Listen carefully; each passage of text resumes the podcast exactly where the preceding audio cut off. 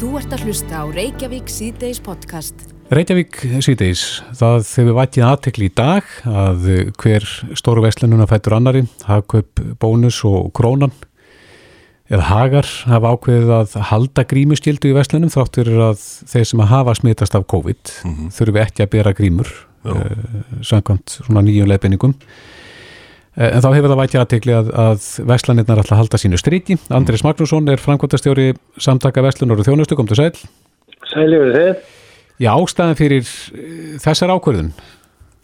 Já, sko það er náttúrulega þannig að uh, þessar aðgerið softvarnar yfir valda að takmarka hérna fjölda þeirra sem mega verið í vestlun, svona almennreglan er og við til 10 í maturvestlunum, almennreglan 50 og upp í 100 í stærri vestlunum. Mm -hmm. Hún er nógu erfið í framkvæmt þó að þessu sé ekki bætt við.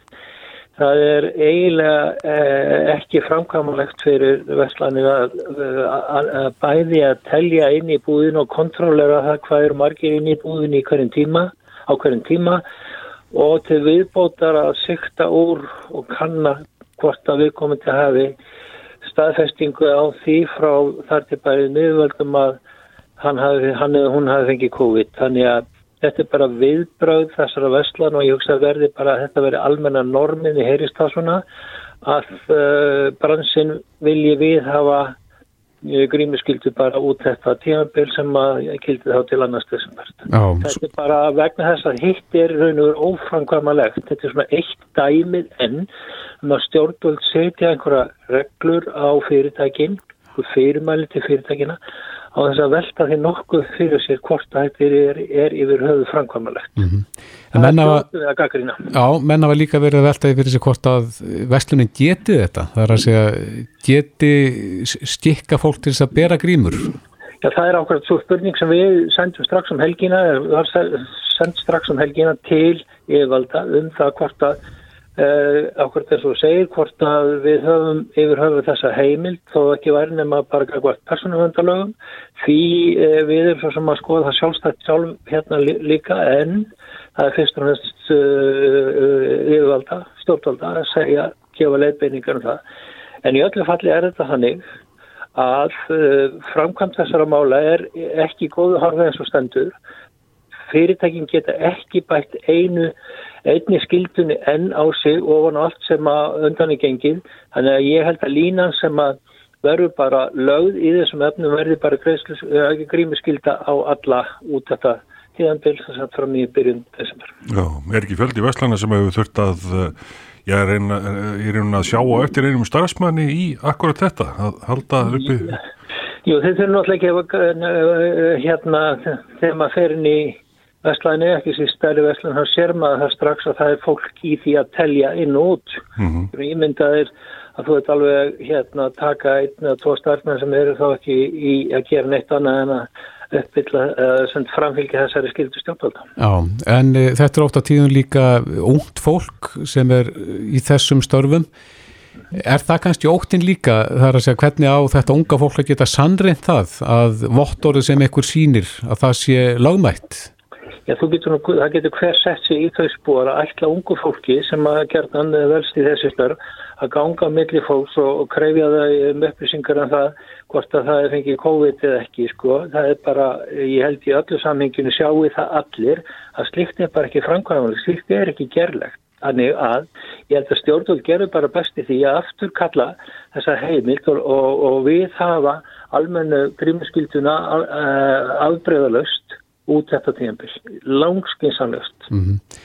Hvernig standa málinn hjá ykkar félagsmönnu núna? Þar, hvernig er veslunin svona á þessum tíma? Ég með það er náttúrulega bara þannig að það er börstið frá því, börstið frá öllu þá náttúrulega er uh, hérna er hérna aðal tímanbíl náttúrulega hefjast og, og eins og við hefum bent á þrátt fyrir þetta ástand sem við búum við þá er kaupnátturinn ágætlega sterkur á Íslandi.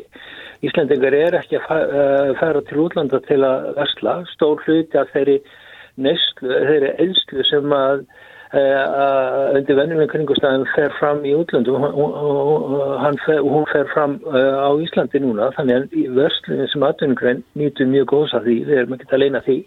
En hins vegar er það þannig að þessi þetta tímabil núna sem er byrjað og alveg fram á jólum er lang mikilvægsta tímabilið í atvinnugreininni. Þannig að það skiptir gífurlega miklu máli að stjórnvöld hafi það í huga hafi þarfir fyrirtækjana í huga þegar hérna taka ákvarðinu um, um hérna softvarnaraðgerið. Það verður að fara uh, þetta milli, hennar milliveg sem að hérna allir skilja, það skilja allir hafa verið taka til í softvarnasjónum og líka þarfa, þarfa fyrirtækjana en það sem er vond í þess er það að það verðist ekkert samræmi vera. Það er ju þannig að það er alveg jafn mikið smittækta og ekki, ekki siðri í byðröð í kulda og trekki fyrir utan vestlanin heldur inn í rúmu uh, vestlunósnaði. Já, uh, aðeins að uh, aðtunástöndinu í greinni, hefur uh, COVID haft mikil áhrif á störfin í vestlun? Já, það hefur náttúrulega fælka störfum í vestlun en það er náttúrulega ekki neitt í samanböruðu fælkun starfa í öðrum greinum og ekki eins og í förðarþjónustu. Þannig að, að því leiti hvertu við ekki Vestlunin hefur uh, uh, staðið sig ágætlega í, í, í þessu, uh, Vestlun getur ekki kvarta svona almennt yfir ástandinu í COVID fyrir utanátlega þau fyrirtæki í greininu sem að, sem að hérna, beina einhver viðskiptum sínum að ferðamanninum. Almennt séð hefur ástandi bara verið príðilegt. Það er alltaf undartekninga frá því. Eldsneiti sala hefur dalað mjög mikið eins og allir vita. Fólk er mikið að vinna heima, fólk er mikið minna á ferðinni. Mm -hmm. þannig að uh, segðiðskipti hafa, hafa minkað augljóslega. En heilt yfir og það bara endur speglast í kortaveltutólunum sem byrstast uh, mánaðarlega að heilt yfir gengur þetta bara ágætlega. Já, Andrés Magnússon Frankfurtastjóri samtaka Veslunar og Þjónustu. Takk fyrir þetta. Takk Þú ert að hlusta á Reykjavík C-Days podcast Já, Reykjavík síðeis, við heyrðum hérna áðan í Andrisi Magnúsinni hjá samtökum Vestlanar og Þjónustu en uh, þessar stóru Vestlanir hafa tekið þá okkur um að hafa grímu skildu óháð því hvort að fólk hafi smitast eða ekki af, af COVID. Víðir Einarsson, yfir lögurlu þjóttn er á línu, kom til sæl. Blessaður. Já, þú heyri það að, að menn af ákveðið að sigla svolítið gegn ykkar ráleitingum varandi þá sem að hafa smitast af COVID og ekki að þurfa að nota grímur og ætla að halda, halda grímuskildu í þessum vestlunum. Hvað segir um það? Ég, ég skilða bara mjög vel og, og við höfum verið að taka þessu umræður og, og, og rætti mitt við fórsamenn vestlunarinnar og ymsa aðlar sem, að, sem eru rekstra aðlar og þeir hafa sagt að þetta sé svo erfitt í framkvæmda þeir vildi bara fara, verið með stífari línu þessu og gerðu það og mm. það er bara allt í góðu lei. Það, er, það má alltaf horfa á þessar reglur okkar sem svona lámarks viðmið og, og mann geta þá gengið einhvað eins lengra ef það hendar þeim og ég skil bara mjög vel þessi afstöðu vestlunarnar og þetta er bara, bara gott mál, einfaldar málið fyrir mjög marga. Já, en e, svo hafa líka sögumir svona velt upp þeirri spurningu hvort að þeim sé stætt á að skilda fólk til að vera með grímur? Já, ég held að enga aðlum í rekstri sé alveg í sjálfátt sett hverjum þeir hleypa inn í, í sína þjónustu. Það gildir kannski annað með ofnbæra aðila en, en, en aðila sem er enga rekstri þeir geta sett reglur. Við tökum sem dæmi veitingastað sem setur, setur reglur um hvernig planaður eh, viðskiptaverðinir eiga að vera og annað slikt sko. Mm -hmm. Hvernig sjáu þetta fyrir ykkur í framkvæmt? Hvar, hverja á að framvísa og hvernig getur sá sem að skoðar vitað að þetta sé lögmætt? Já, það eru vottor sem að þeir sem hafa hérna, fengið COVID og eru með móturni geta fengið sem að er gefið út og undirrit og stimplað þannig að það er, það er lítur, lítur hérna út með þeim hætti, það er á brefsefni og undirritað á fórúli. Já, og þið, það á að sína þennan pappir, þá er þetta sem að er sínt bara í síma eða snjáltæti eða þarf að brentið út? Menn geta haft það hvort sem er, sko. Það er sjálf þess að vera með þetta sem, sem myndi í símanum og, og eða útbrentað. Já. En mér sýnist nú flestir sem eru í vestar á þjónustu allir að hafa grímisköldi á sér þannig að það reynir nú vantilega ekki mikið á þetta. Mm -hmm. Akkurat. En hver er, hver er staðan svona fyrir utan þetta? Hvar eru við stödd? Já, við erum á, á réttri leið, við erum á sígum hægt og rólega niður þessa töflur sem við erum alltaf að horfa á með nýkengi smita, smita þeir sem eru utan sótkvíðar og, og slíkt og þá sem eru í einangrun og sótkvíð þess að tölur eru alltaf lækandi og, og það er, það er auðvitað jákvægt og, og núna átjónd að taka gildi nýja reglur það sem eru örlítið verið að slaka á en eins og Þórulur hefur sagt og við munum all eftir frá því í vor og þá, þá þarf að gera þetta mjög hægt til þess að missa þetta ekki frá sér aftur og og eitt af því sem við ætliðum að gera með herstu aðgerðunum var að, að reyna að hafa þannig að, að kringu jólinn væri við með svona betri stöðu og, og við stefnum með þá því. Já, en það er líka mikilvægt að menn viti svona að menn sjáu takmarkið e, þeir sem að býða og hafa beði lengi núna eftir að komast til dæmis í sundið sitt eða í, í ræktina, hvar liggja mörgin? Hvenar verður hægt að opna fyrir þessa staði? Já, við hefum aldrei verið með neina svona fastar tölur í þessu og, og við erum ennþá með tölvert uh, herri tölur heldur en var þegar við opnum fyrir þessa starfsum í vor. Þannig að ég myndi halda að það var ennþá daldið í það og, og það er búið svona að gefa það út að næsta skoðun á, á breytingum og reglum verði í kringum annan desember.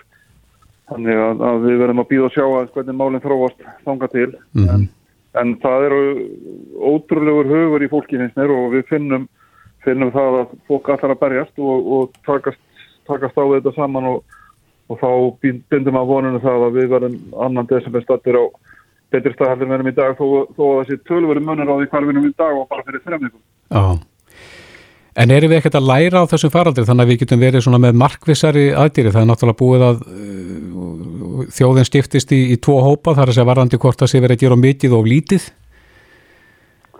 Já, jú, það er þetta skiptist í, í, í tvo hópa, þeir eru ekki jafn stóri, það eru 80% sem að, er það ekki sem að finnst þau verið að gera hæfilegt og jú, jú. 10% sem finnst þau verið að gera ólítið og svo er einhver sama sem að þeir ekki með sterkast skoðanir á þessu en, en jú, auðvitað erum alltaf að læra og að reyna að þykka okkur áfram og við erum að, að reyna að þróa núna með okkur kerfi sem að getur hjálpa okkur svolítið með þessu ákvarðan tökku þetta þess að litakóða og við erum að útfæra það uh, svona með kannski svolítið áhugaverðum hægt eins og þess kakvart íþróttum og við ætlum að skoða skólastarf og fleiri, fleiri starfsemi sem við getum hugsanlega mátað inn í þetta litakóðakerfi þannig að fyrir sjáanleikin verður meiri fyrir, fyrir fleiri og þetta er mjög áhugavert og við höfum frestaði að taka þetta litakóðakerfi í gang meðan við erum ennþá að verða eftir í farandurum heldur allir svona þegar við komum niður á einhvern núlpunkt að taka þetta í gagnum þá og þá þá munum þetta duða okkur heldur vel til þess að fá svona meiri fyrir sjáleika eins og hægt er en eins og Þórulur segir að, að þá er þessi veira ekkert sérstaklega fyrir sjáleik við höfum séð það margóft í ferlinu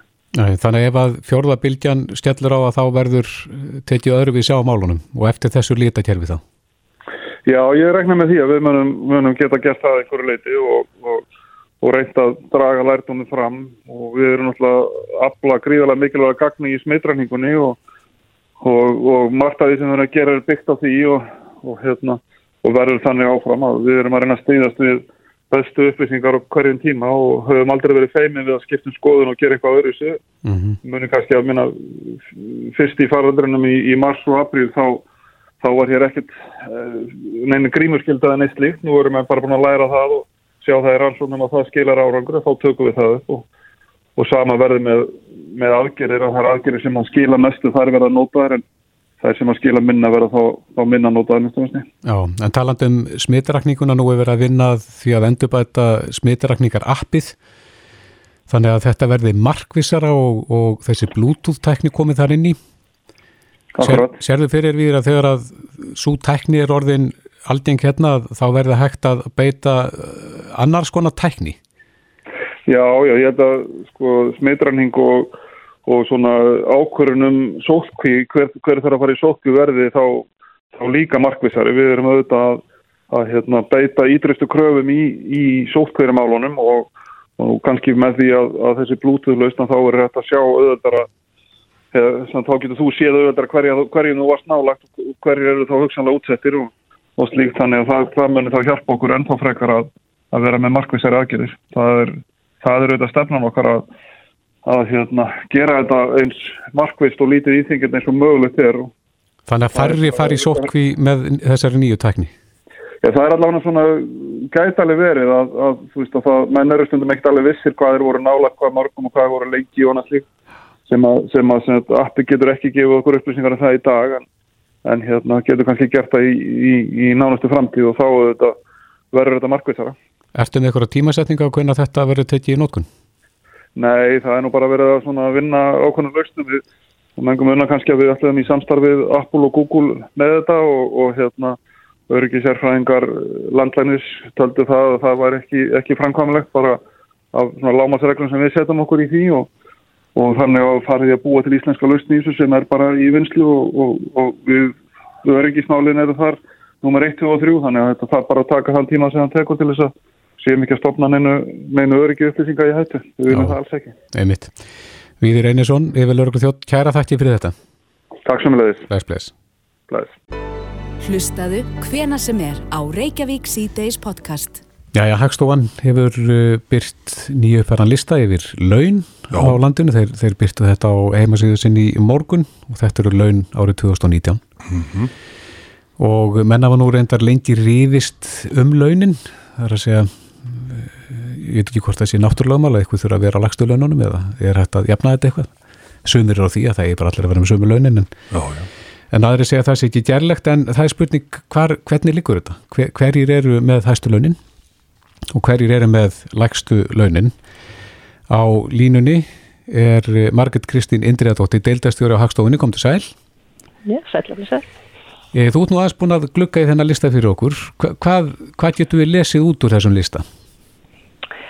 Um, já, það er alltaf þetta vinsalt að skoða hérna, að skoða launin eftir störfum þegar þau kom út. Það er undar við vorum uppfara það í dag. Mm -hmm. Þetta er mjög stórst og við mikið talnefni. Þetta eru um 200 störf þannig að hérna, þannig að það sko sér mikið að fara í það allt en við vorum hins og búin að byrta í raun og veru stóru myndina hans fyrr þá vorum við búin að byrta þess að árið 2019 laun eftir geirum starfstýttum aðtunagreinum mm -hmm. og þá erum við svona meira að skoða þess að stóra myndina og erum að byrta bæði fyrir fullanend og þeir sem eru fullistarfi og ekki fullistarfi og þá vorum við semst búin að segja að hérna árið 2019 voru semst reglulegn þeirra sem voru fullistarfi voru 672.000 eh, en, en heildalönum 754.000 það ber þó sem sagt að vara þess á því að horfa bara meðaltilin eitt og sér vegna mm. þess að eins og komst inn á áðan þá erum við með kjærasamlinga sem tryggja lámaskjör en við erum með enga skorður á hámaskjörum þannig að dreifinglauna er alltaf skekt upp á við sem dregur upp meðaltali og þess vegna höfum við líka þessu umfarsmjöla talnefna okkar byrt líka hérna,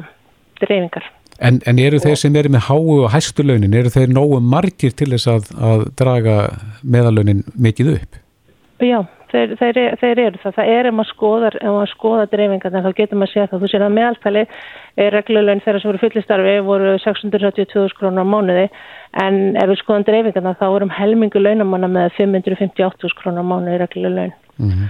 og hérna þá lendi helmingur með, með herra og ef við skoðum heildalön þá vorum 665 krónur með heildalön, þessi helmingu launamanna með 665 krónur heildalön eða læri og einna hverju tíu launamannum í fullistarfi voru með heildalaun e, yfir 1,1 miljón. Já, og er þetta bara laun sem eru þá í grunn? Eh, er þetta þá grunnlaunin eh, án yfirvinnu? Þetta er sem sagt, ég var núna, tölun að ég var að tala um áðan, það byggjast annars verið á reglulaunum sem eru þá greitt mánalaun fyrir umsami vinnutíma, hvort sem það umverðar að dagvinni eða vaktavinnu, en svo eru það líka heildarlaun og þá eru við um öll launin þar inni. Já. Og þannig að það, þegar ég segja að það er einna hverju tíu launamönnum með 1,1 eða herri þá erum við raun og að tala um heildalun. Mm -hmm. Það er yfirvinnaninni þar. Og þegar það er talað um eh, lægstu launina þá hefur nú oft verið nefnt í sömu andránni þar að segja störfin sem að fólk telur að vera með hægstu launin. Það eru þeir sem er í umönnunum störfum og eru á hugsun börnun okkar og slikt. En setja þessa stjættir á botninum en þá? Já, eh, sem sagt, eh, ef við skoðum stórum, ef við skoðum hérna þessa, þessa vinsalu röð, eins og við segjum, að þá hérna, þá er þessi störfi barnagesli sem er með lagstu eh, bæði heildalaunin og reglulaunin. Og heildalaunin eru 398.000 krónur á mánuðum, eða voru á mánuðum meðal 2019. Já. Og en dreifing launa, hún er mjög mísjöfn eftir störfum eins og til dæmis, og það er mjög, sem sagt, líka í þessu störfum, þá er samsetningin mjög misjönd til dæmis í þessu starfi 5-3 eða semst í þessu starfi störfi barnageslu þá vorum við með rúmlega eh, semst 80% ófælarið meðan við erum, ef við getum tekið með störf sérfræðinga þessu vískitagreinum þá eru dreifingi þar miklu meiri. Jó. og þeir voru til dæmis eh, sérfræðingar í vískitagreinum voru með um 958.000 krónur í laun árið 2019 mm -hmm. Nú er mikið talað um uh, kaupmátt og hann sé svona í því betri heldur en oft áður. Leggið eitthvað mat á það? Já, ekki reyndir í meðalun. Við höfum verið að, sagt, það er náttúrulega byrst nýslu við svístela, hérna, verðbæling hjá okkur og, og hérna, við höfum stundir sett hann í samhengi við launin og, og hérna, við byrstum það mánægilega líka. Já. Þannig að við höfum ekki verið að taka það sérstaklega á að rekna það sérstaklega meðalun. Það er hægt, það er hægt að rekna á tekjur, það er hægt að rekna á meðalunin, það er hægt að rekna á launavistuna. Mm -hmm. Þegar að fólk fer og, og í launavitöl, getur það tekið þessa tölur og, og haft þær til viðmiðunar?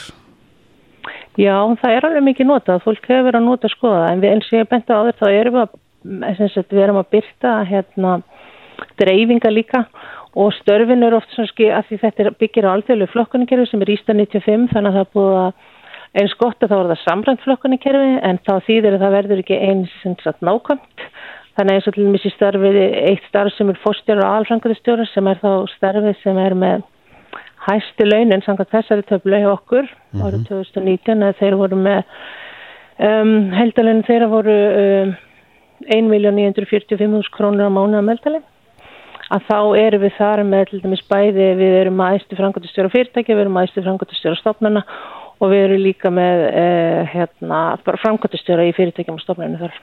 Já, eh, sést einhver megin munur á þeim sem að vinna fyrir þið ofinbera eða enga gera?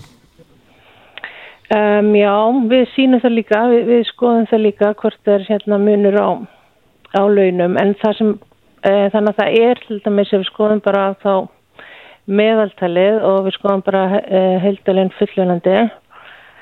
Þá eru starfsmenn á almennu vinnumarkaði með um 773.000 krónar á mánuði menn óbyrri starfsmenn er með um 725.000 krónar á mánuði.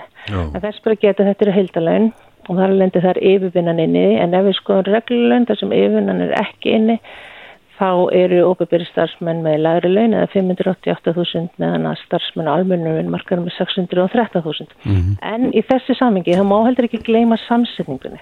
Vegna þess að hérna, við erum til dæmis með hjá hérna, í óbyrgerðinu þá erum við með mikið á starfstjættum sem eru sérfræðingar. Þannig að samsetningin er doldið hérna ólík millir almenns vinnumarkaðars og óbyrs starfsmanna. Já Ef þú skoðar þessar eh, meðaltetjur sem þú nefndir hérna á þann, er svo talað hækka?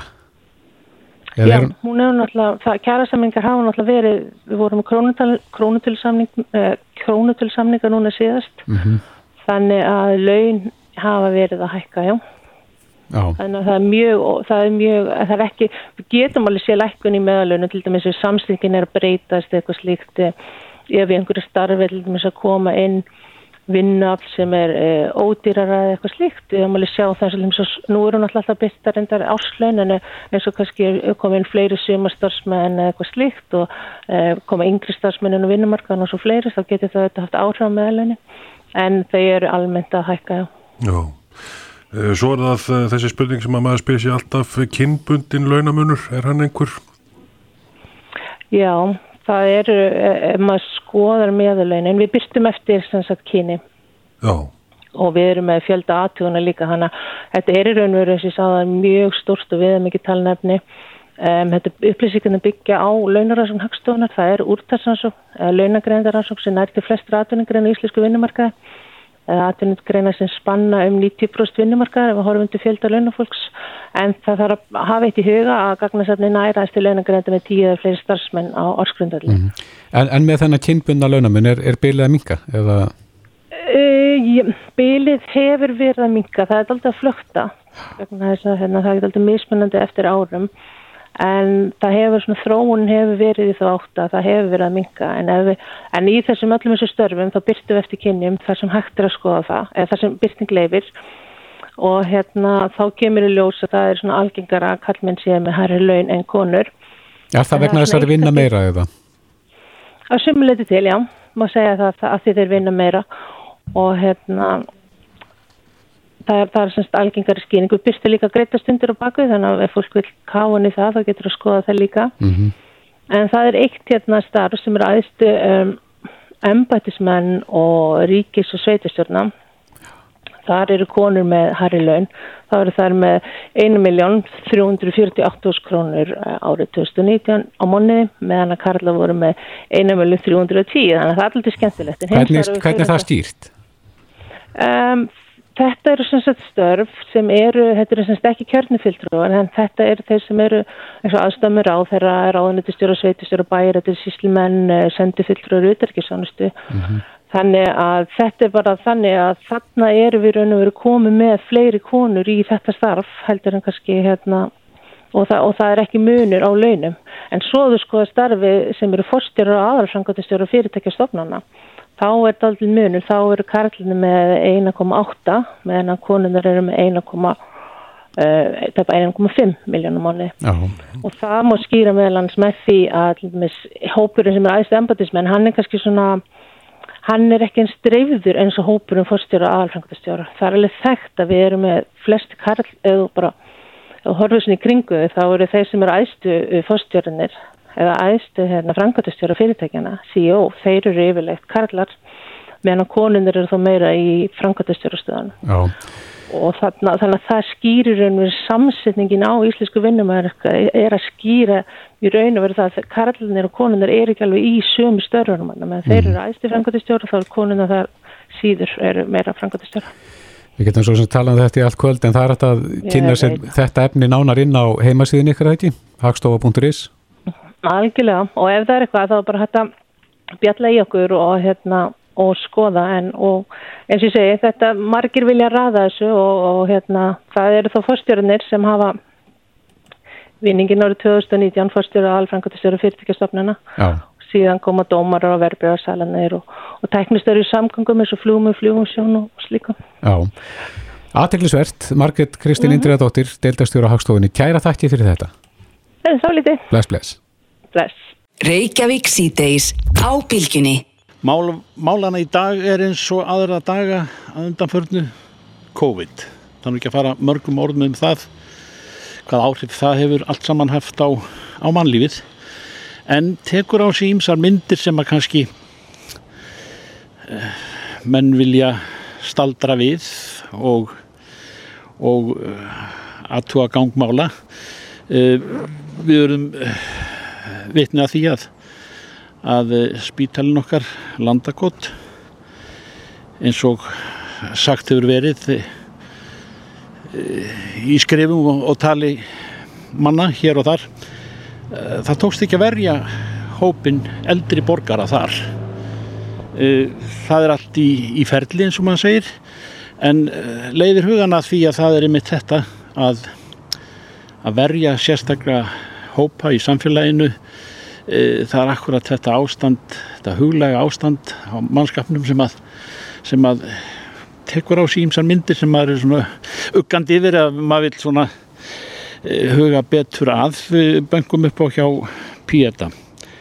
Hittum fyrir Kristín Ólafsdóttur sem er frangandastjórið þar á bæ. E, þið náttúrulega finnir fyrir og í þínu starfi finnur fyrir breyttum tímum eða þar að segja áhrifum COVID Við erum náttúrulega alltaf að stækka og stækka og stækkum á raða ljósins núna má segja. Við höfum töfaldasta starf bara frá í mæ á árinu og jú, uh, vinsalt er að tala um COVID í þessu samengi en ég veit ekki alveg hvort það sé út af COVID eða bara vegna þess að fólk er almennt orðið meðvitera um að leita sér hjálpar en svo er það náttúrulega líka uh, alveg svo þú varst að benda á. Það er alveg klárt að það er þarna margir hópar sem að við kannski náum ekki almenna að verja gagvart afleðingum koronafarransins mm. sem að er mjög góð punkti hér að byrja að tala um. Það er þetta já, sem heitir kvíði eða bara þetta huglega í, í, í lífi hvers og eins sem að, sem að er með margar óvissu myndir og, og, og framkallar já, auknaðar svo til og með sjá þér. Sálröð sásiki er náttúrulega eitthvað sem að fylgjur okkur öllum og við upplifum öll eitthvað tíman mm. og það getur náttúrulega orðið mjög alvarlegt ástand og e, sálrætt sásöki getur orðið sjúklegur eins og allt mm. annað en svo erum við bara öll með tilfinningar og mm. þurfum að vinna úr þeim mm. en vissulega erum við að upplifa ímislegt núna í tengslu við aukna félagslega einangrun e, við einsemt einmannuleika og það er mjög alvarlegt ástand að vera einmanna. Mm. Þá erum við komin að því ég nefndi eldri borgara eh, en, en eh, það er ein myndin og, og eh, sérðu það í, í fari stjórnvalda að geta bankað eitthvað á þessar dyr þar að segja, út að tala um einsend, kvíða uh, vanlíðan út af ja, til dæmis efnahags ástandi og brotalöfum í því? Ég trúi því að allir sé að reyna að gera sitt besta núna og ég ger það einlagt Við erum náttúrulega að upplifa uh, þessa fordæmuleysu tíma eins og svo vinsalt er að tala um. Og við erum að reyna að bregðast við og við erum öll að því sem samfélag. En vissulega þurfum við að gera betur þegar kemur að andleri heilsu fólks hvort sem að áttu við gæðræn vandamál gæðræn að kvilla eða hvað sem er. Mm. uh, Gæðhjálp uh, fór að stað með 39.is í samstarfi við Pétur samtökinn um daginn og uh, lögðu fram nokkur ágættis ráð sem hefur skorað á hérna stjórnvöld að gera. Og það er meðan annars að gera heildar útækt á umfangi geðelbyrjastjónust á Íslandi sem er mjög gott mm. og þart framtak. Ebla heilsugjastluna uh, stór auka stuðning og fræðslu. Og við erum að reyna að gera okkar í því uh, máli, við erum stór auka stuðning og við erum að auka fræðslu Uh, og ímislegt annað. Og þeir vilja setja gæðrættin í námskrá og, og eða við viljum setja mm. gæðrættin í námskrá. Og þetta er mjög fallet verkefni og ég er að vona að það skili. Skili sér? Það nú verið rómuð uh, framganga þeirra manna sem hafa, hafa talað fyrir fyrir ákveðnum manngangi þessari flóknu COVID-skák. Serðu þetta endurtekið eða í svipari mynd þegar kemur að já, geranum hlutum samfélagsins, geranum ástandi sem við tölum um. Ég held að það góða er að við erum hægt að stama og vera hikandi þegar við um talum geðrænt ástand, geðræna kvilla og svo frammeins og ég held við séum bara uppgöt að það að geðið er náttúrulega bara við mm. og auðvitað getur voruð veik á geði en okkur getur líka bara leiðið illa og þá er ofsalega mikilvægt að vita að það er til lausnir mm. og það eru til staðir sem við getum leitað og við getum hjálpa hvort öðru. Mm. En það er líka mjög mikilvægt að hafa í huga eins og stóð í háamálum, maður er mann skaman mm. og það er svolítið verið að taka það frá okkur á þessum tímum. Mm. Þannig að við þurfum kannski að fara að endur skoða svolítið hvernig við hugsum og læra að lifa við raunveruleikan eins og er í dag en við þurfum öll að standa saman og koma saman að þeirri breytingu. Mm. Þér finnst að það þurfa að byrja helst í gerð? Já, bara í fyrra dag alveg tvimalust mm. Eða fyrir löngu síðan, þetta er ekki bara gert þetta er náttúrulega uh, hvernig hefur geð heilbriðismál hafa uh, bara verið litið á þau fjallaðum þau, hvernig þau hafa verið unnin er afskaplega sérstakt þegar fara að skoða það í bara sögulegu samengi mm. og ímislegt að koma í ljós þar mm. en það góða er, sem ég segi, er það að verum öll að fatta og viðkenna að við höfum alls konar tilfinningar sem fara með okkur á alls konar hatt og ef okkur líður illa með þær þá erum við að leita okkur hjálpar. Öðrum orðu Kristín það er tímið til komin að að, að snúa vörn í sókn núna þegar við leifum okkur að vona það að, að þetta geti já ég ljósi fregna í dag af, af livjum sem er að koma og, og, og, og lágar smittölur gefnar upp af af þrýjækinu og landlækningssambettinu e, við þurfum að drífi þessu á að, að líta til þessara hliða þjóðmálana Algjörlega, þetta á að vera í forgangi allt þessi félagslegu atriði þau verða að vera í lægi þau eru bara grundvöllur að mannleiri hilsu mm. þannig að við verðum að passa hvort annað og við verðum að mm. akta núna mm. eða grípa til aðgerða núna Erum við búin að missa marga? Uh, ég veit ekki alveg tölun en fyrir mér er eitt líf of mikið Kristín Ólarsdóttir, Franklarstjóri Píeta, takk. Takk sem les. Þetta er Reykjavík C-Days podcast. Jæja, Reykjavík C-Days, það er nú ímislegt sem að læðist hérna bort til okkar í gegnum símatímana. Já, já. Og það var til dæmis eitt sem er hindi hérna í gæðar og, og vakti aðtikla á því að margir hefði nú sínt samfélagslega ábyrð, eh, þar á meðal bankarnir sem hafi svona tekið þátt í að mæta þessu ástandi. Já, já. En honum fannst innheimtu fyrirtækin kannski ekki endilega vera á þeim buksónum. Nei. Að þau gengju ennþá hart fram og eh, reikníkonu fekkaði ekkert. Nei, nei. En okkur leikur forvetna að vita hvernig þetta ástandi blasir við innhendu fyrirtækjulandsins. Eitt af stærsta er Mótus, Sigurður Arnar Jónsson, Frankvartastjóri þar, er á línu, kom til sæl. Já, sælumst. Já, þú heyrir það að tala um samfélagslega ábyrð og, og því flekt fram að þið tæti ekki þátt í því. Hver, hverju svarar eru svoleiðis? Já, það má nú sjá svo rökra að það endalust í hverju samfélagslega ábyrðu fælst þegar, þegar uh, svona hlutir eru, eru annars vegar. Mm -hmm. En uh, við teljum samfélagslega ábyrðu ekki félast í því að, að, að, að sópa svona verkefnum undir, undir teppi og, og býða bara vona það besta. Nei. Þetta er náttúrulega bara verkefni sem þarf að vinna eins og, eins og hver önnur. Mm -hmm. Hvern, hvernig er staða núna hjá skuldurum? Er, er skuldahalina lengjast? Alls ekki. Staðan er raunverulega svo að við höfum aldrei séð í afgóða greiðsla höfun eins, eins og er á Íslandi í dag. Já. Og uh, þar í rauninni er uh, samakorti horfið til einstakleika eða, eða fyrirtækja. Við gerum mikið og, og nákvæma greiningar á, á því sem við kallum greiðslu hraða. Mm -hmm og eins og segi það er bara okkar mælabór til að fylgjast með, með ástandinu í frá mánuði til mánuðar og uh,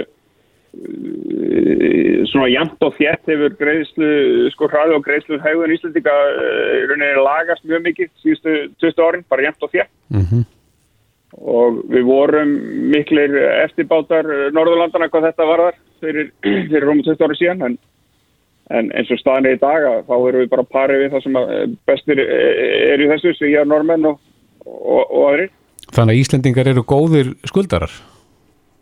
Já, Ísl, Íslendingar, greiðslegaðun Íslendinga eins og segi, hún er, hún er í rauninni bara til, til, til fyrirmyndar í dag og, og hérna, og reynd út aldrei verið betri heldur hún, heldur hún er bara akkurat núna. Já, það hefur verið núna setjum hluta sumar og hausmannu. Já, má þá eiginlega segja sér það að að þegar árar betur að þá sé fólk svona aðeins meira að sitja eftir með reikninga?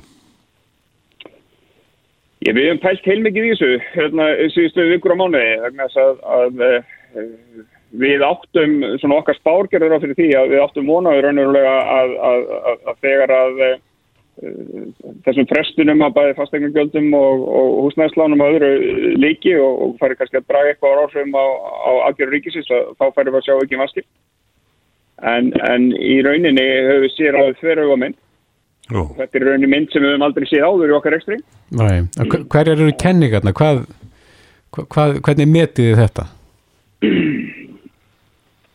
Já, svona kannski öfugt við það sem að flestir halda að, að, að ég held að flestir halda að við séum eða, eða einhentu fyrirtæki séu fyrst og fremst alltaf að eiga við, við, við, við það fólk sem að er með læstar ástöðunategjur og annars líkt en það er bara hans ekki reyndi að, að hérna þetta er bara henn meðal íslendingur sem, sem að við erum að fjónusta hér á, á, á hverjum degi mm -hmm. og okkar kenningar, já þær eru margar en, en En ég held að augljóslega hafi hér áhrif að Íslandingar hafa náttúrulega aldrei haft betri ráðstöðunategjur heldur í dag og, og, og hérna svona meðal Íslandingurinn og, og ef við tökum hérna bara svona hluti eins og lækkun á, á, á, á vöxtum á íbólánum mannarslík mm -hmm. og býr það náttúrulega til fullt af peningum fyrir, fyrir vennilega Íslanding en ég, mig grunar að stæðstu þátturinn vegi hins vegar það að við komumst bara ekki út til að eða peningum Já. og setjum þetta þá frekar í að borga skuldir Akkurat Er það besta fjárfestingin í dag? Það er náttúrulega alltaf besta fjárfestingin og einn gamle gullur á sem að kannski ömur okkar afarkunni betur heldur við að safna fyrir hlutunum áður við eðum að það, verða náttúrulega alltaf bestur ráðin Já Nú mætti segja manni það að það séu kannski fannir að hlaðast upp reikningar hjá, hjá einhverjum og það er e, náttúrulega viðbúið. E, hversu auðvelt er að semja við ykkur? Já, það fyrir náttúrulega bara mikið eftir eðli krafnana og, og hérna, ég vil kannski byrja, byrja við að, að allir verða að hafa það í huga sko að, að við erum náttúrulega þjónustu fyrirtæki, við erum ekki ofnbært apparat. Þannig að, að við erum náttúrulega bara þjónusta, erum bara milliliður í þjónusta og milli gröðahafa og greiðanda. Þannig að, að, að, að hvað, hversu, hvern, hvernig er að semja við okkur, það, það er náttúrulega bara stóru hluta hvers eðlis kröfunar eru og, og hvað umbóðu höfum frá okkar hérna, kröfu eigandum Mm -hmm. og, og við erum í rauninni bara framlegging á þeirra þjónustu. Og, og, og hérna, en, en það sem að gjarnan, það sem við mælum gjarnan með í, í ástandi sem, sem, sem skapast þeirra fyrir niðursveifla að, að eh, við mælum almennt ekki með því að, að, að slaka sig á öllum ferlum og, og annars líkt. Því að í, í, í öllu ástandi það var hrunið eða staðan í dag, að uppistaða fólks er að greiða á réttum tíma. Og það má ekki gleymast og, og kannski með bara nefnum einhverja tölur að- kannski 80-85% einstaklinga eru búin að ganga frá öllum sínum kröfum fyrir eindaga og, og, og þessar tölur kannski 30 dögum eftir eindaga þær eru kannski komnar í 95, 6, 8% já, já, og, og, og þess vegna í rauninni er, er getur verið hættulegt að slaka á ferlum til þess að mæta þeim einstaklingum eða fyrirtæki sem eru sérstökum vanda. Það er miklu, miklu nærtakar að taka sértækar afgerðir til þess að mæta þeim. Mhm. Því annars getur við dýfka á kreppur. Já. Í rauninni vegna þess að viðskiptalífið hættir að rúlla og, og, og leið og, leið og, einn aðili viðskiptalífinu fær ekki greitt að þá á hann eru verið með að greiða öðrum og svo kolla kolli. einmitt. Það hægir á, á tannhjólunum. það hægir úr pænhjólinu og, okkar hlutverk er náttúrulega að lámarka, hérna, lámarka skadan sem að til lýs. Mm. En ef við strykum aðeins undir þetta Sigurður að þá, þá klórið þið ykkur svolítið í höfðun yfir uh, þessari greiðslu hegðun, þessari góðu greiðslu hegðun á þessum erfiðu tímum. Já, við gerum það og, og, og við tökum þetta atvinnugreina tengt og, og, og, og allavega og, og við svo sem áttum vona á ýmsum áhrifum út af COVID. En bara svona sem ég nefni svona sem dæmi kurnahópur sem er, er, er, er býst stór hjá okkur er svona bara veitustofnanir eða, eh, sem er erlendi skalla bara utilities. Mm að, að hérna þar sjáum við til dæmis bara greiðslu hraða umtalsast upp maður er svona fyrirfram haldið að, að, að að áhrif COVID á, á, á, á þess konar kröfur ætti ekki vera neinn. Já, þetta er merkilegt og þetta hljóta að teljast góða fréttir. Tvímarlaust. Já, Sigurður Arnar Jónsson, framkvæmdastjóri Mótus, kæra þakki fyrir spjallið. Já, takk sem leys. Bless, bless. Reykjavík síðdeis á Bilginni podcast. Jæja, nú er helgin líðin og það var nú ímislegt sem að var rætt um helgina. Já. Eh, Sigriður Andersen til dæmis stóð fyrir fundarhöldum og það sem var verið að kannski að reyna að líta á aðrar hlýðar þegar það kemur að þessum sóttatnamálum mm. og, hvort að, og sumir eru á því að það sé verið að stíga kannski alltaf fast til jarðar á meðan aðri segja að, að við sem að stíga og löst til jarðar í þessum málum en spurningin er, erum við að reyna að læra af þessu þannig að það þurfi kannski ekki endilega að grípa til að rótækra aðgerð eins og verið hefur gert Já, já. það er að segja minna þá um lokanir og annað slíkt á eh, línunni er maður sem við leitum oft til og hefum gert í þessu ástandi Jón Magnús Jóhannesson, sérnámslæknir í líflækningum hjá landsbytalanum, kom til sæl Sæl. Erum menn að reyna að kortleitja það hvaða áhrif svona allsera lokanir og slíkt hafa á samfélagið? Hvort að við séum að græða meira eða tapa á þessu? Það hefur alltaf leið fyrir og auðvitað verið undirstryka það, ég er auðvitað ekki í sótanlægnis embættinu og hvað einmitt í með þá þekking og reynslu sem sótanlægnis hefur. Nei, Að það verður að hafa í huga að Þórólfur og Þríegið hefur alltaf haft það sem að leiðarljósi að taka það stefnur sem að uh, skila mestum heldrænum árangri. Og mér finnst vera mjög mikilvægt að gera ráð fyrir að þau eru ekki bara að afleitum hérna, afleiðingum af sótanlægnis þau myndi aldrei detta það í huga að gleyma að auðvitað hefur þetta viðtakar afleðingar og þau hafa nefnt það frá byrjun að það þurfa að stíga varla til jarðar, ekki ganga of langt. Og Þóruldur hefur náttúrulega lengi uh, undirstrekka þetta í í hvers skipti sem að skrefir tekið hversu lengi það þarf að stíga þetta skref og hvena við getum stígið tilbaka. Mhm. Núna þegar það var slaka á síðast að þá var gefið leifi á einirtja að, að hefja eftir störf, þar eru að tala til dæmis um hálgræslistofur. Geta menn, og erum menn fannar að geta kortlagt það hversu mikið er um smit til dæmis á svona stöðum? Mm Þar sem að menn hafa grímu, kunnin hefur grímu, sá sem að meðhandlar hefur grímu, Þa, þannig að næst þegar að kemur til einhverja lokana þá þurfum við kannski ekki að loka þessum stöðum Ég held að það verði einmitt svona hluti af því sem að hálf verður til er einmitt svona hvað er hægt að halda opið svona lengi með þessum uh, inngripum.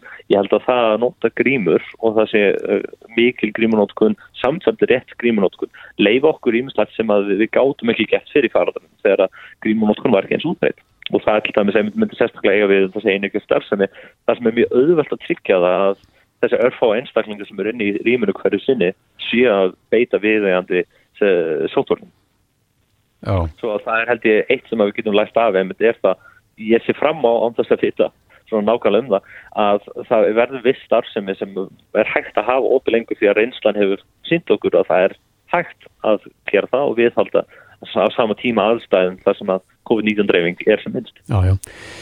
Orð eh, Antonís Fátsi hafa vakið aðteglið þar sem hann talar um það að það verður ekki hægt að sleppa eða hann hvetur til þess að grímunótkum verði eh, áberandi áfram þó að þessi búið bólusetja fólk.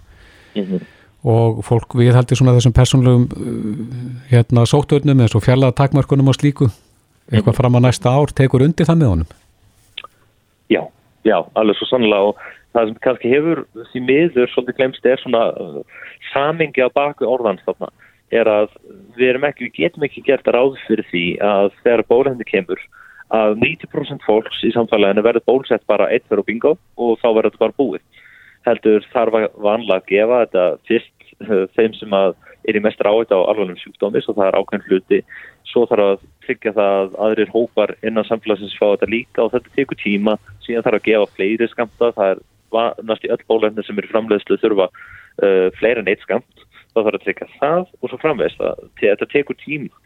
Svo að þess vegna er hann að ráðleika þetta til þess að tryggja það að byggtímin á meðan að næst í allt samfélagi verður með viðegandi vörn uh, eftir bólefni að það, uh, við séum ekkert fara að missa svona hópfaraldra eða koma hópfaraldranum á stað í mittiltíðinni á meðan að það er þetta óvissustig svo það er heldur það sem það grundvallast á er ekki það að bólefnin mun ekki viska heldur það að þau, við munum bara aldrei ná að bólsti alla á einum degi og svo er þetta bara búið mm -hmm. það alveg klárast ekki á þann hátt Það er að koma fínar fréttir frá, já nánast núna í, í röðum af þeim sem er að þróa bólöfni. Við heyrðum að Pfizer bólöfnið á að eh, veita 90% vörn, en svo heyrum við tölur upp í 95% núna í síðustu fréttum.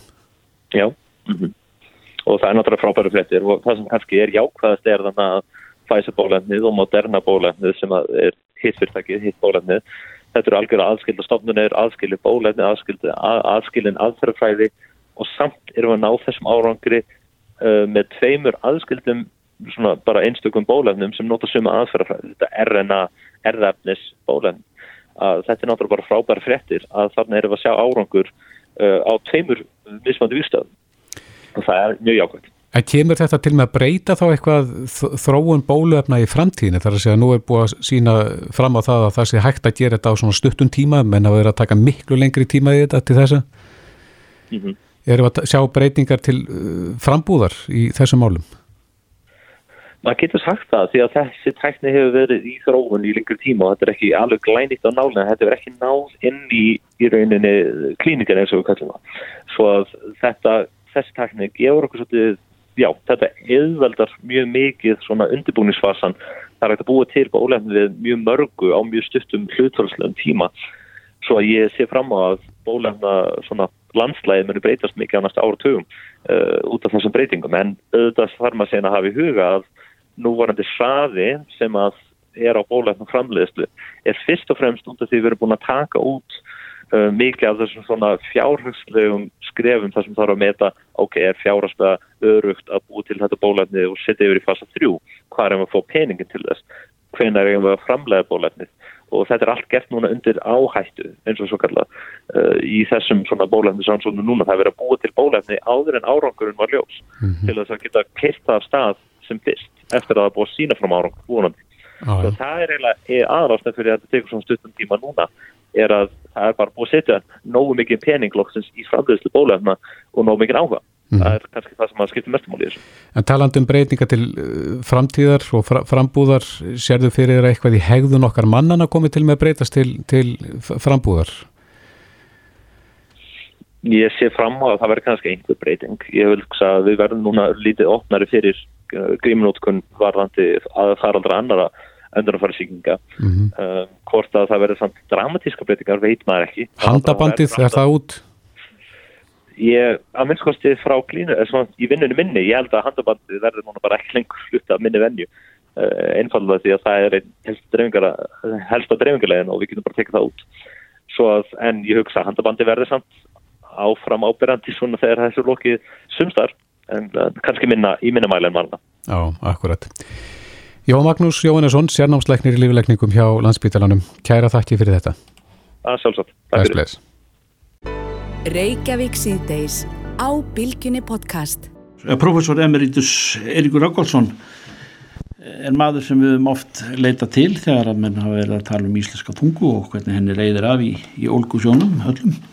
Í nútímanum, Eirikur það er kannski við hæfi að spurja þig finnst þér finnst þér eh, einhver uppgjöf í, í því að, að ná tungumálinu okkar eða móðurmálinu svona á þann stall sem hann á að vera? Á, á, það mála á að vera, segi ég. Það er mikil umræða um, um tungumálið og, og hérna, það er líka, líka heilmikið að gerast. Núna er í gangi heilmikið máltækni átagsstjórnvalda Við þurfum alltaf að, að vera á varðbergi mm. vegna þess að, að eh, sko, ytri aðstæður eru að, að hafa sumuleiti orðið óhagstæðir á undanfjöldum árum mm. með eh, stór aukinni ennsku nótkun í samfélaginu bæði, bæði vegna, já til dæmis vegna ferðamannaströmsins sem er náttúrulega eitthvað hlýja á núna og, mm. en, en svo vegna líka hérna, fjölda fólks, erlends fólks sem er að vinna hér í tjónustutörfum og, og, og svo framvegis og svo náttúrulega þessi hérna tækni bildingstafræna bilding, snjattsímar og, og hérna streymisveitur, efnisveitur og annars líkt sem, sem að veldur því að margt fólk, ekki síst ungd fólk, það, það eigðir tölvunum hluta af, af tíma sínum í, í ennskum málheimi, eins og maður segja. Mm. Uh, og, og, og hérna það ef við gætum ekki aðgur þá, þá getur það haft áhrif á íslenskuna. Mm. Erum við komin um borð? Uh, telur að vera e, þegar við verum að, að já, að, að þetta stafræna er heyri til íslenskunar eins og annara tungumála og einkanlega ennskunar Já, ég held það sko með þessu átæki sem við verðum að gera núna sem er svo sem ekki, ekki loki, það er ekki nema ár síðan það hóst, það, þetta, er, þetta er fimm ára, ára verkefni mm. og, og hérna uh, þá held ég að, að það ætti alveg að, að björgast, við ættum alveg að, að geta, það er engar, eh, engar tæknilegar hindranir í vegi. Mm. mm. Eh, hitt er svo annar mál hvort eh, fólk hefur áhuga á og, og vilja til að, að nýta sér þetta mm. uh, og, það er alltaf, alltaf spurning sem að er, finnst fólki ennskan áhugaverðari meira spennandi eða eitthvað slíkt þarna þó að, eh, að, að þannig að það nýti sér ekki það sem þó er til á íslensku það, það er náttúrulega bara ábyrð okkar að, að gera það mm. það er sem sagt við getum sagt það, það er ábyrð ábyrð stjórnvalda raun og veru að búa til ramman að gera okkur þetta kleift en, en, en, en síðan hérna er það okkar eigin ábyrð að nýta okkur möguleikana mm.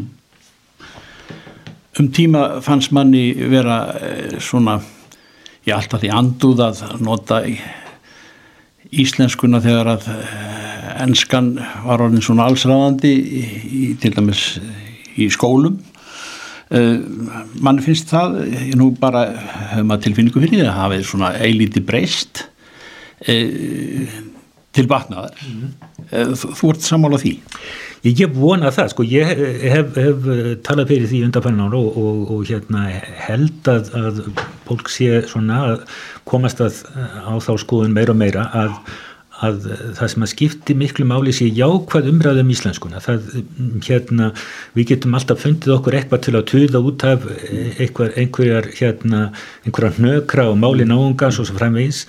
Eh, en, en það er ekki uppbyggilegt, það er ekki til þess fallið að að, að vekja áhuga fólks eða auka áhuga fólks á að tala íslensku það sem að, það sem að skiptir máli er að gera íslensku skemmtilega, áhugaverða og, og hérna uh, leifa fjölbreytni.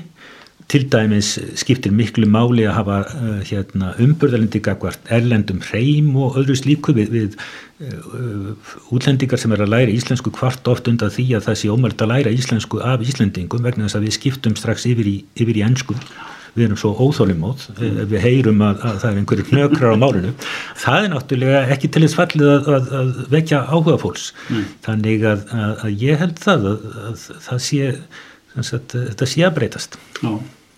Og, og þá kannski þið eins og ég nefndi þið framvörði í, í þegar íslenska tungan móðmáli okkar er, er annars vegar e, mér finnst e, þið líka hafa svona í afstöðunni breyst? Ég mann eftir eftir kennurum mínum fyrir á tíð sem að voru snögtum dabrar yfir fram þrónunni.